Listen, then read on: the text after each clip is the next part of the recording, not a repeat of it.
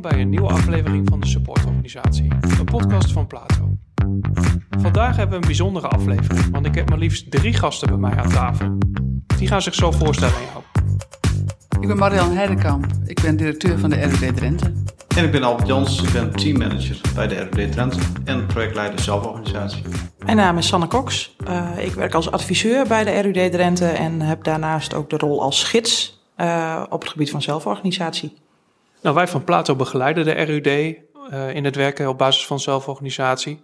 En het leek ons een leuk idee om dat ook eens te bespreken met elkaar, zodat ook de luisteraar van deze podcast daar uh, deel van, uh, van kan nemen. En zeker ook van hoe gaat het dan in de praktijk? Hoe werkt dat bij, bij deze organisatie? Hoe ervaren zij zelforganisatie? Waarom is dit nodig volgens hun? wat doen zij precies en hoe werkt dat in de praktijk? En uiteraard zullen we daarbij ook stilstaan voor wat tips voor jou, zodat jij, uh, als jij ook met zelforganisatie bezig bent, daar ook uh, je voordeel mee kan doen. Maar RUD, wat is dat precies voor organisatie? Waar staat RUD voor en wat voor werk doen jullie eigenlijk? Nou, de RUD staat voor Regionale Uitvoeringsdienst Drenthe. En wij zijn een uh, Drenthe-brede organisatie die in opdracht van alle gemeentes in de provincie samen alle uitvoerende milieu- en bodemtaken doen. Dus dat houdt in dat wij vergunningen verlenen, um, toezicht houden, handhaven, BOA-inzet doen op overtredingen, dat soort zaken. Marjan, jij bent uh, directeur van de RUD. Tegelijkertijd werken jullie voor alle Drentse gemeenten. Hoe ontstaat dat en hoe werkt dat precies? Dit is toch wel een speciaal construct.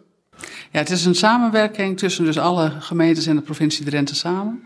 En dat is in een gemeenschappelijke regeling, zoals dat heet. Dat is een uh, manier, een juridische vorm van samenwerking tussen overheden.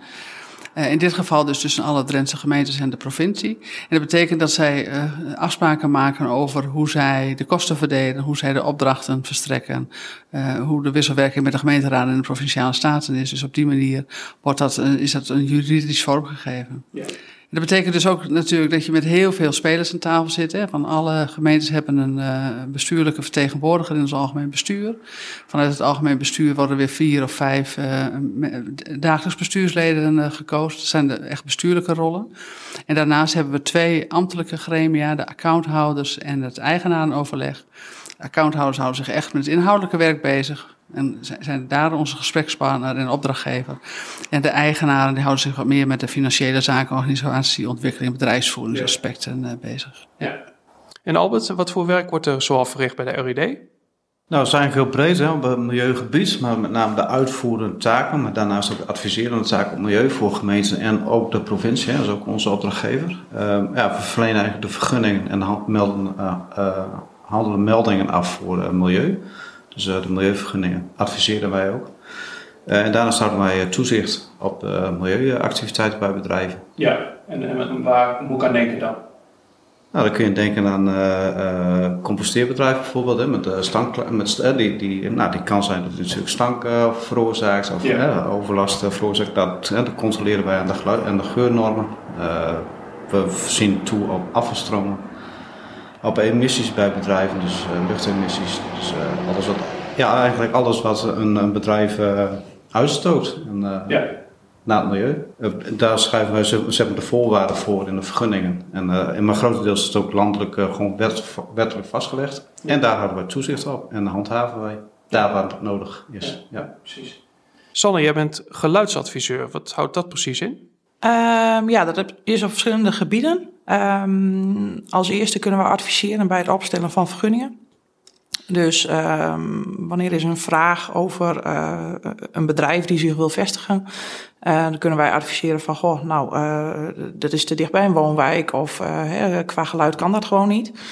Um, en daarnaast hebben wij ook een controlerende functie. Dus wanneer er bijvoorbeeld klachten zijn over een bedrijf, uh, dan kunnen wij een geluidsmeting uitvoeren om te kijken van, goh, voldoen ze aan de vergunning? Um, en ja, is de klacht gegrond of niet? Ja, inderdaad. Nou, in dat mooie werk wat jullie verrichten, werken jullie op basis van zelforganisatie. Hoe is dat ontstaan? Hoe gaat dat? En waar staan jullie precies nu? Nou, er zijn in ons vakgebied gewoon heel veel ontwikkelingen. En een van de grootste uh, ontwikkelingen is toch wel de komst van de omgevingswet. Ik denk dat heel veel mensen wel van de omgevingswet gehoord hebben. Dat is eigenlijk een complete stelselwijziging. En dat, die wet gaat ervan uit dat in veel kortere tijd dan nu vergunningen worden verstrekt en wordt gereageerd op initiatieven vanuit het bedrijfsleven. Uh, dat betekent dus dat we heel nauw samen moeten werken met alle ketenpartners, zoals wij dat noemen. Dus zowel de gemeente als de provincie, maar ook veiligheidsregio, waterschappen, uh, Rijkswaterstaat, uh, GGD. Alle instanties die ook betrokken zijn bij vergunningverlening en de afweging of iets wel of niet kan is straks de opgave om in acht weken tijd tussen een aanvraag en besluit alles uh, naast elkaar gelegd te hebben en een, een integraal goed afgewogen uh, besluit te nemen. Ja, dat vraagt om uh, hele snelle inzet. En in de traditionele manier van werken wordt er vaak aardig in, in, in niveaus gewerkt, ja. hè, met allerlei paraafjes die je moet halen om besluiten te nemen. Alleen al intern, dus daar staan met al die ketenpartners als iedereen dat moet doen. Dus we hebben op een gegeven moment gezegd, als wij in die uh, setting zo wendbaar en zo flexibel willen kunnen zijn, dan hebben wij het zo in te richten dat onze mensen zoveel mogelijk van tevoren weten binnen welke kader zij uh, een vrijheid hebben om het RUD-geluid daar te laten horen. En op die manier zoals dat nodig is. Ja, en toen kwamen wij al snel op een, uh, een vorm van zelforganisatie, omdat we echt denken dat daarmee uh, onze mensen gewoon ja, de bevoegdheid krijgen ja. en de, ruimte, de speelruimte, tegelijkertijd ook de zekerheid dat we wel met de goede dingen bezig zijn, dat het ook overal hetzelfde is, hè, dat het niet uitmaakt welke medewerker er komt, maar dat je gewoon een goed RUD-geluid uh, op milieuadvies krijgt. Ja. En ja, daarvoor hebben wij dit, deze manier van werken omarmd. En tussendoor zei je net al dat het is om meer wendbaar te kunnen zijn. Ja. Nou, nu is de omgevingswet een wetgeving die volgens mij wel zes of zeven keer is uitgesteld. Uh, wat voor impact heeft het eigenlijk op jullie, uh, zeker ook op het gebied van zelforganisatie? Nou ja, kijk, op zichzelf voor zelforganisatie, ook in alle andere gevallen, is natuurlijk, blijft het ook uh, belangrijk om te doen. Hè? Want samenwerking, ik zeg wel, samenwerking is eigenlijk waarvoor we zijn opgericht. Ja. Dat zei ik net al, we zijn een samenwerkingsverband tussen 13 deelnemers. Dus we hebben sowieso al heel veel verschillende tafels waaraan wij uh, zitten.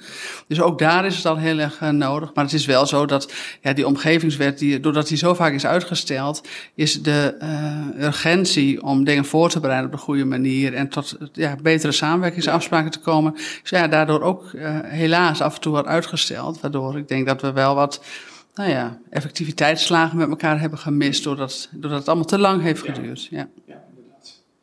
Albert, jij bent projectleider uh, van zelforganisatie. Kun je de luisteraars meenemen wat jullie hebben gedaan in die afgelopen jaren?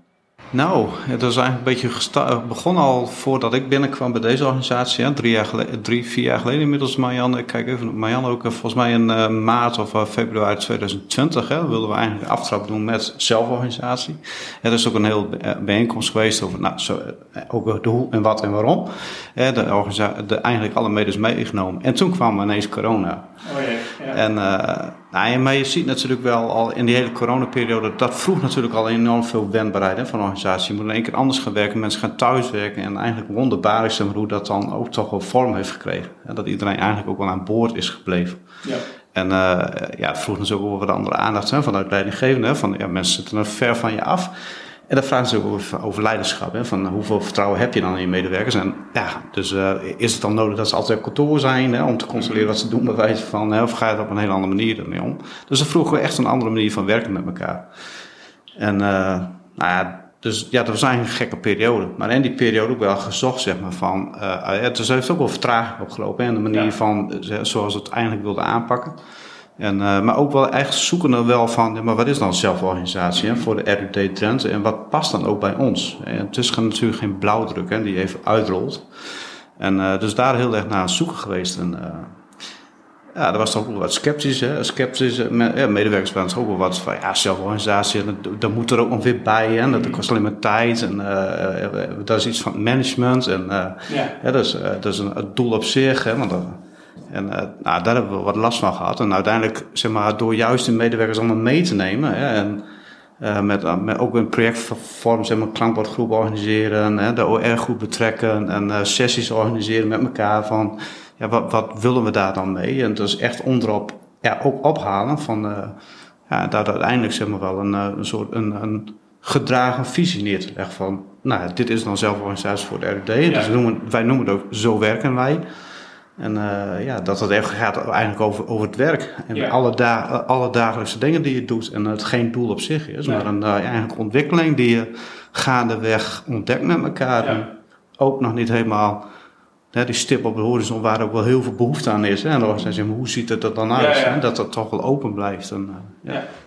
Ja, want je zei net al, het moet ook wel bij ons passen. Ja. Waar zijn jullie achtergekomen in de jaren? Nou, kijk, zelforganisatie komt natuurlijk ook deels het voordeel van, uh, op, nou als je het hebt over opgavegericht werken, net dat soort thema's, hè, dat je daar echt met hele flexibele teams wil werken. En, en, maar grotendeels van ons werk natuurlijk hebben we ook gezegd, 80% zeg maar, is er gewoon eigenlijk wel uitvoerend werk, is gewoon eigenlijk gewoon dagelijks repeterend werk, even plat gezegd. Hè. En, maar daarnaast wil je natuurlijk ofwel uh, in dat opgavegericht werk wil je ook iets. Maar, ja, maar hoe zorg je er wel voor zeg dat je ook als medewerker zo meer proactief bent in je werk? En hoe werk je dan samen? Hè? Dus de samenwerking, daar zat dat echt gewoon wel op. Ook binnen het team, maar ook onder de, teams onderling. Uh, nou, daar, daar wel meer. De, ja, om daar naar te zoeken. Hè? Dus wat, is, wat betekent dat dan voor ons? En dus wat is dan voor ons de manier van zelf organiseren? En, Heel veel organisaties die beginnen bij het fenomeen zelforganisatie. Wat is het precies? Wat verstaan we eronder? En wat betekent dit voor ons? Ik vind het zelf best wel een, uh, theoretische exercitie. Vaak met de nodige valkuilen natuurlijk erbij. Hoe was dat eigenlijk voor jullie? Nou, dat was bij ons ook wel een, een, een theoretische discussie, met name in het begin. Ja. En, uh, ja, en toen, nou ja, zo kwamen we ook eigenlijk met jullie ook wel in aanraking. Hè? De, de, de, de wat meer de support vraagstukken. Nee, ja. Dus... Uh, dat je toch wat meer kijkt van, joh, maar waar gaat het dan om? Hè? Dus uh, het is geen, moet geen doel op zich zijn, het moet ook geen organisatiestructuur dingetje zijn van, uh, nou, dat is een holocratie, natuurlijk met de Big Bang, ja, daar zou je voor kunnen kiezen, maar ja, we weten natuurlijk ook wel vanuit allerlei uh, voorbeelden dat er ook heel fout kan gaan. Hè? Dus ja. van de een op de andere dag zelf georganiseerd zijn, ja, dat kan niet. Ja, daar heb je gewoon tijd nodig en ja, daar heb je ook de juiste mensen voor nodig en de juiste support. Dus ook de, de leiderschap vraagt van alles. En, ja, dus ja, en hoe ga je dat dan doen? En, ja. ja. Sander, je bent naast uh, geluidsadviseur ook gids. Wat is dat eigenlijk? Um, ja, wij zijn eigenlijk um, uh, voor zelforganisatie een beetje de nou ja, vaandeldragers tussen de, de, op de werkvloer, zeg maar. Uh, wij proberen echt bij de teams en bij de medewerkers um, ja, de mensen te inspireren en te prikkelen en op het gebied van zelforganisatie om echt aan de slag te gaan. Dus echt te kijken in het werk van, nou, waar loop ik nou tegenaan? En uh, hoe zou je daar dan mee om kunnen gaan? Dus uh, ik kan uh, naar boven kijken naar mijn teamleider van, nou, ik heb een probleem, los jij het maar op. Maar je kunt ook denken van, goh, um, kan ik misschien zelf wel iets doen? Of kan ik iets met een collega oplossen? Of, um, dus wij proberen eigenlijk als gidsen aan te sluiten bij de verschillende teams. Um, en dan, nou, ja, in eerste instantie gewoon echt vragen stellen van, goh, uh, uh, je, je kiest er nu voor om dit te doen, maar zou het misschien ook op een andere manier ja. kunnen? Je vertelde mij onlangs uh, dat je ook bij je wel eens bij een team aansluit en dat je dan alleen maar vragen gaat stellen. Als ze bijvoorbeeld vastlopen in een bepaald vraagstuk, kun je daar iets meer over vertellen? Ja, dat is soms ook best lastig, omdat ik natuurlijk ook mijn eigen team heb en daar ben je eigenlijk ook teamlid, maar je zit er ook wel met je nou ja, gidsenpet op. Um, ja, dat er dan echt een discussie gaande is. En uh, uh, dat gaat af en toe op bepaalde onderwerpen gaat een, een, een, discussie van het ene naar het ander. En dat gaat maar door. En dan af en toe dan, uh, um, ja, dan zet ik eigenlijk even het overleg stop van ja, maar wat willen we nu eigenlijk met elkaar? Hè? Waar, waar, zijn we nu mee bezig? Wat is het probleem? En um, wie gaat hier nu iets mee doen?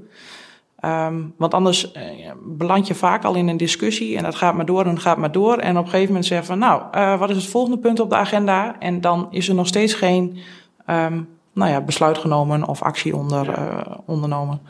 Um, nou ja, en dan, dan krijg ik af en toe wel terug vanuit het team ook van, goh, het is wel fijn dat je gewoon af en toe even zo'n zo'n vraag stelt. Dat houdt ons wel bij de les. Want dan is het toch ook wel een voordeel dat je niet uit het vakgebied komt, toch? Ja. Marjan, Vind je het ook spannend om wat meer los te kunnen, of eigenlijk, Marjan, vind je het ook spannend om wat meer los te moeten laten in dit proces van zelforganisatie? Dat er ook meer werk zelforganiserend opgelost wordt in plaats van dan via de hiërarchie? Nou, ik vind het niet heel veel spannender dan hiërarchisch. Integendeel zelfs. Want ik denk dat je met 200 mensen zijn we inmiddels al zelfs meer dan 200 mensen. Dat je ook niet de illusie moet hebben als directeur dat je precies van iedereen weet hoe die loopt. Dat ook zou kunnen uh, aansturen direct, zelfs niet met een aantal leidinggevenden erbij. En dan vragen ze ook of je dat moet doen. Hebben hele goed opgeleide mensen die echt verstand van zaken hebben. Veel meer verstand van zaken dan ik of een van de teamleiders. En ik denk dat het juist heel goed is om die mensen ook vanuit hun professie aan te spreken. Dan van, goh, hoe zou je het nou zo vanuit jullie vakgebied zo goed mogelijk organiseren? Wat is er dan voor nodig? Nou, kom vooral ook met die vragen, hè, support. Wat, wat heb je dan nodig om dat werk zo goed mogelijk te doen? En op die manier denken we echt dat we een veel betere, betere basis leggen dan wanneer we daar heel hiërarchisch... Uh, ja, gaan zeggen, en nu moet je dit en nu moet je dat. We weten niet eens uh, wat het beste is. Dat weten zij zelf echt het beste. Jullie zijn nu drie jaar uh, onderweg met zelforganisatie. Wat zijn ervaringen die jullie tot dusver hebben opgedaan? Dat is toch wel zeg maar, de, de, de ervaring, zeg maar, de, manier van aanpak. Ja, hoe pak je zoiets aan? En uh, hoe, krijg, hoe zorg je ervoor dat, iedereen mee, dat je iedereen meekrijgt? En dat het geen doel op zich is, maar dat het echt gaat om het werk. En dat je het ja. werk ook leuker maakt uiteindelijk natuurlijk. Um, en die ervaring, ja, dat is eigenlijk over. Toen we eigenlijk hè, met de Rut Day uh, afgelopen uh, mei, juni, ik weet niet meer, ja, juni volgens mij. Nou, in ieder geval, we hebben jaarlijks hebben een Rut Day, hè, dat is de dag van de omgeving voor, de organisatie. En uh, daar vertelde Marjan het verhaal van: zo werken wij. Hè, dit is de visie op zelforganisatie. En dat was eigenlijk het moment, hè, we hebben ook echt wel goed voorbereid hè, om, om zo te zorgen dat, van, ja, dat je eigenlijk alle medewerkers daarin wel meekrijgt. En dat was eigenlijk het moment dat iedereen ook dacht van: oh, maar is maar gaat het over het werk dan? Dus, ja, dus, dus dat was al, ja, iedereen was in één keer ook wel positief van. Eh, en uh, snapte dan ook wel van de, hoe, wat en waarom. Ja. Natuurlijk zijn er allemaal nog vragen. En er liggen echt heel veel vragen, hebben wij ook. En uh, ja, die kunnen we ook nog niet helemaal beantwoorden. Want het is, er is geen blauwdruk. Hè. Je kunt niet een boekje uit de kast trekken van uh, dit is zelforganisatie. Je hebt het vanuit theorie. Ja. ja. maar je moet wel kijken wat past dan bij je organisatie. In welke fase zit je ook als organisatie. Welke medewerkers heb je. Uh, wat voor leidinggevende heb je? Uh, dus dat vraagt nog heel wat. En, uh, ja, en dat is juist het mooie en ook wel de uitdaging. Ja, om daar ook wat tijd en ruimte voor te maken om dat verder te willen ontwikkelen. Dus dat vraagt reflectietijd. En, nou ja, dus, en daar kom je toch ook wel een beetje op spanningsveld van iedereen nog wel een beetje is van ja, oké, okay, maar dan moeten we er eigenlijk wel mee aan de gang ook. Maar we hebben het ook wel zo druk, hè? want de ja. omgevingswet komt eraan. En, maar juist, ik denk juist, hè, die omgevingswet uh, die begint ja, 1, 1 januari. En we gaan er nu, uh, we zijn er al heel lang mee aan de slag, maar het wordt natuurlijk nog echt concreter, hè, dus het komt daar steeds dichterbij.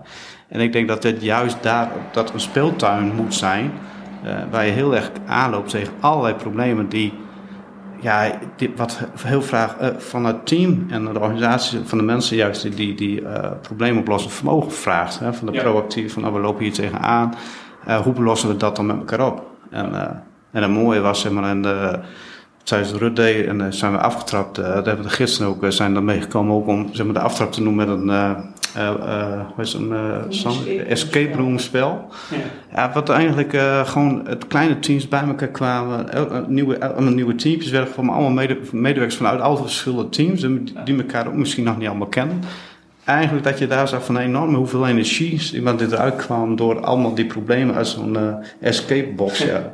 Ja, dat is natuurlijk ook een beetje vergelijkbaar met de omgevingswet. Of met andere problemen waar het zich aanloopt. Uh, nou, hoeveel energie je kunt krijgen ook door het probleem op te lossen met elkaar. Ja. Dus, uh, ja. ja. En Sanne, wat zijn jouw ervaringen tot dusver? Ja, dat, dat, dat medewerkers heel vaak eigenlijk niet doorhebben dat ze al heel zelforganiserend aan het werk gaan.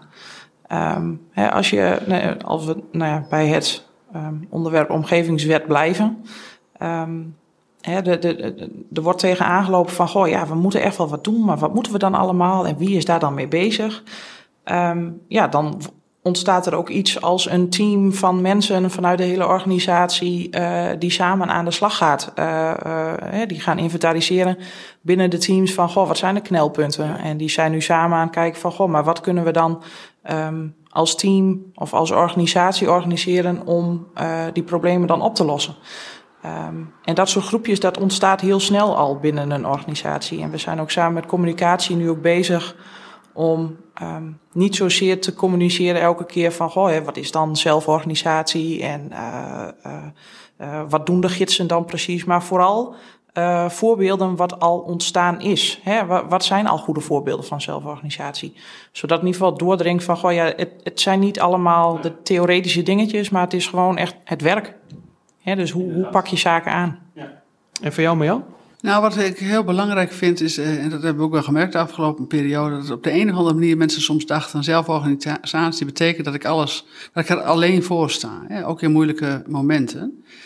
Uh, en wij hebben ook uh, een, escalatieladder gemaakt, hè, zoals dat dan heet. Dus op het moment dat mensen tegen problemen aanlopen, hoe doe je dat dan? Hè? Ja. Daar waar uh, ik zou zeggen, vroeger als vanzelf altijd de teamleider de problemen op zijn bord kreeg of de directeur, hebben we aangegeven, goh, je kunt eerst met, gewoon met collega's overleggen als je er zelf niet uitkomt. Dan met senioren en uh, we hebben een aantal oliemannetjes en vrouwtjes in de organisatie die gewoon ook een regierol kunnen pakken. En pas een, een, een, teamleider of de directeur, wanneer het of op directieniveau, dan gaat de teamleider, of op bestuurlijk niveau, dan kom ik in beeld. En wat daar belangrijk is aan is, volgens mij, is dat mensen het gevoel uh, houden dat ze onderdeel zijn van een organisatie en er dus niet alleen voor staan. Dus dat je, het is soms in zo'n samenwerkingskluwen van 13 deelnemers af en toe best wel een beetje eenzaam op het moment dat je vastloopt uh, en in discussies uh, terechtkomt. Er zit natuurlijk ook best af en toe wel eens wat druk yeah.